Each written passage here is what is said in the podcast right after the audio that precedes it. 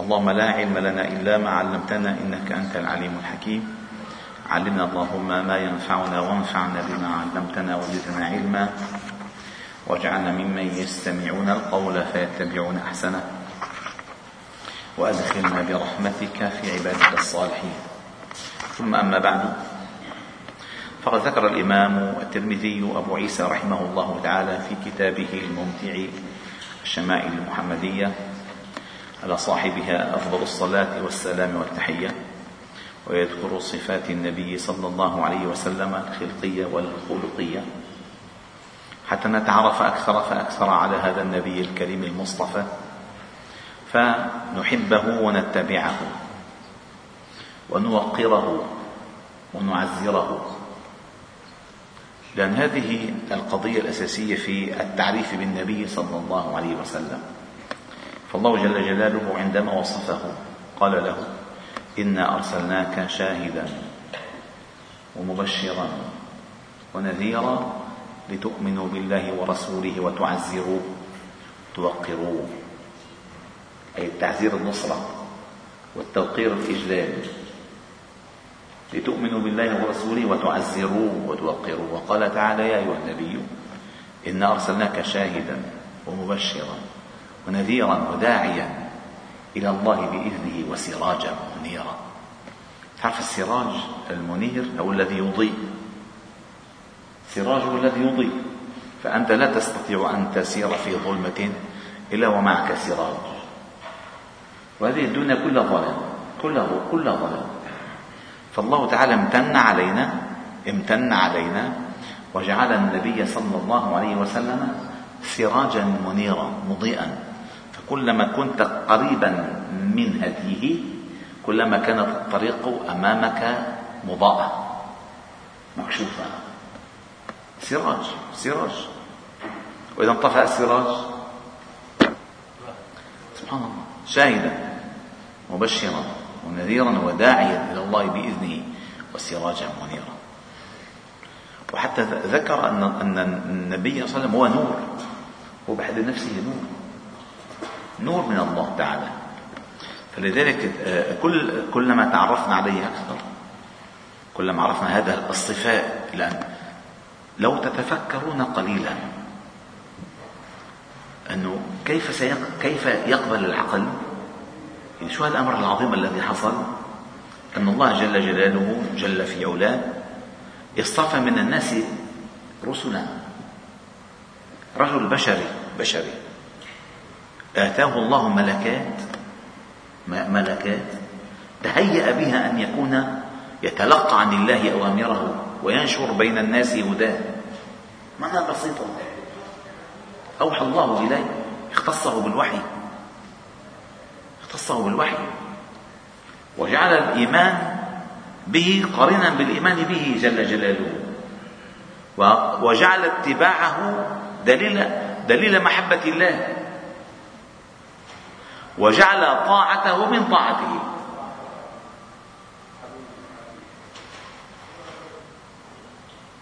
وجعل طاعته من طاعته. وجعل الأنبياء كلهم أنبياء كلهم لو بعثوا في عصره جعل أمرا لهم أن يتبعوه.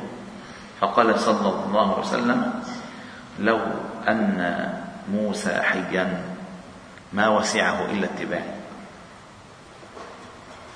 ما وسعه إلا اتباعي ثم قال من آه، سمع بي يهوديا أو نصرانيا ثم لم يؤمن بي أدخله الله النار. هو المفتاح الأساس الأساس. ولكن انتبهوا أيها الأحباب الكرام نحن آه، عندما نقرأ صفاته ومناقبه وشمائله آه، ما القصد نعظم شخصه؟ نحن ما عندنا تعلق بالأشخاص. ولكن هذا الشخص الله جل جلاله جعله محتوى لنوره. فنحن نعظم النور الذي فيه. الهدى الذي بفضل الله يدلنا عليه. وإنك لتهدي إلى صراط مستقيم.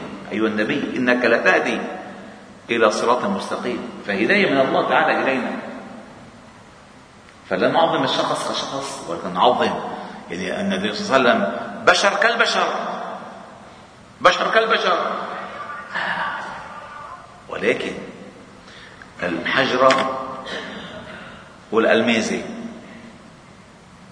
هل تستطيع صحيح تقول الألماس حجر ولكن ليس كالحجر. والنبي صلى الله عليه وسلم بشر ولكن ليس كالبشر. ما فيك تقول آه ومين محمد؟ أعوذ بالله. اولا نحن نهينا نهينا أن ننادي نبينا باسمه. ولا تجهروا له بالقول كجهر بعضكم لبعض أن تحبط أعمالكم وأنتم لا تشعرون. كالأعراب للجفاء يا محمد ما في؟ يا رسول الله يا أيها النبي. الله جل جلاله آه، كل أنبيائه في القرآن اجمالا ناداهم بأسمائهم. يا موسى إني اصطفيتك. يا نوح اهبط بركة. يا إبراهيم يا عيسى ابن مريم. أما النبي يا أيها النبي يا أيها الرسول يا أيها النبي يا أيها الرسول. فهذه قضية أساسية في فهم العلاقة التي تنشأ بيننا وبين النبي صلى الله عليه وسلم. فالآن ذكر في باب صلاة الضحى. كنا قد ذكرنا عبادته النفلية. هلا عبادته النفلية النهارية؟ تلك التي ذكرناها عبادته عبادته النفلية الليلية. الآن عبادته النفلية النهارية. قال وحدثنا محمد محمود بن غيلان سنده عن معاذة قالت قلت لعائشة أم المؤمنين رضي الله عنه يلي عنده تليفون الله يرضى عليكم حطه على الصامت.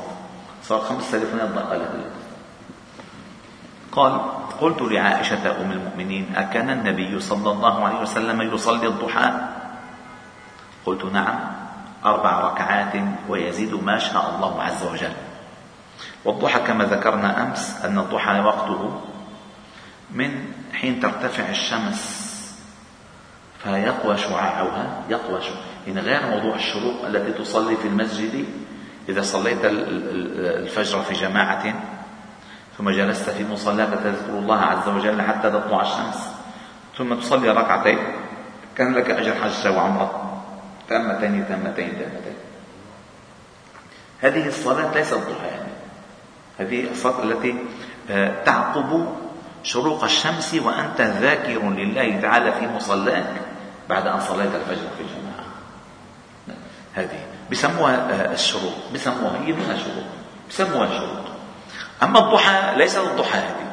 الضحى شيء ثاني الضحى هو قوة النهار. والضحى والليل إذا سجى سجيان الليل قوة الليل. ما ودعك ربك وما قلى إذا الضحى والشمس وضحاها أي قوة قوة شعاعها بدأ شعاعها بالقوة. هذه الضحى. فيمتد الضحى إلى قبيل الظهر. كل هذا اسمه ضحى هذا كله اسمه الضحى. عندما تصل تنتهي الضحى يبدأ الزوال. من الزوال أن تصبح الشمس في كبد السماء وسمي الزوال زوالا لأنه بانتصاف الشمس في كبد السماء يختفي الظل. ما في ظل؟ لأن بتكون الشمس عمودية. فما في ظل. ما في ظل. زال الظل. زال الظل. فقالت نعم كان يصلي أربع ركعات ويزيد ما شاء الله عز وجل. وحدثنا محمد بن مسنى بسنده عن أنس بن مالك قال أن النبي صلى الله عليه وسلم كان يصلي الضحى ست ركعات.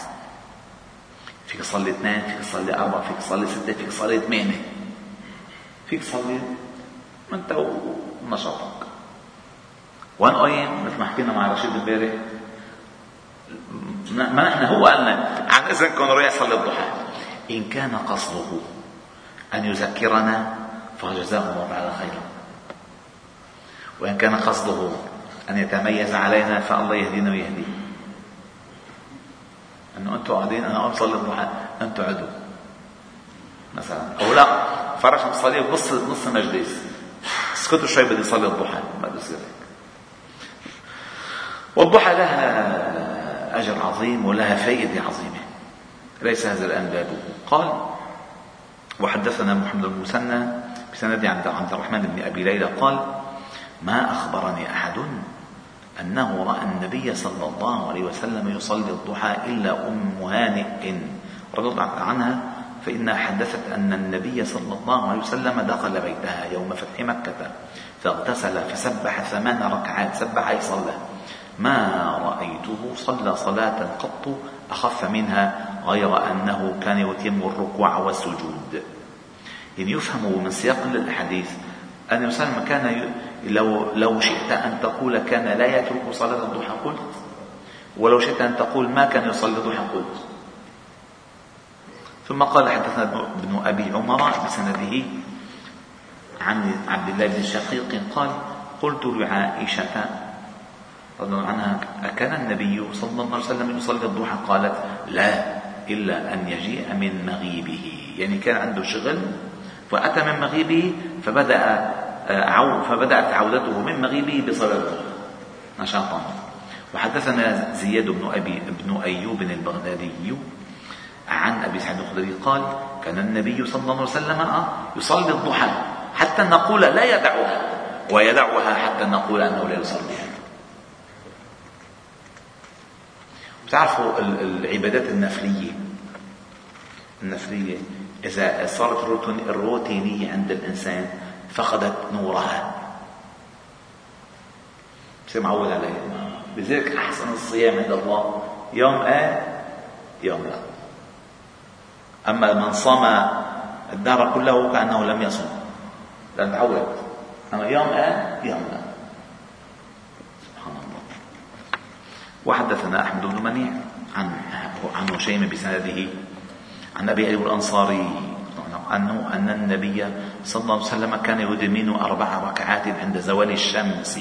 فقلت يا رسول الله إنك تدمن هذه الأربع الركعات عند زوال الشمس؟ فقال إن أبواب السماء تفتح عند زوال الشمس فلا ترتج أي فلا تغلق حتى تصلى الظهر فأحب أن يصعد لي في تلك الساعة خير.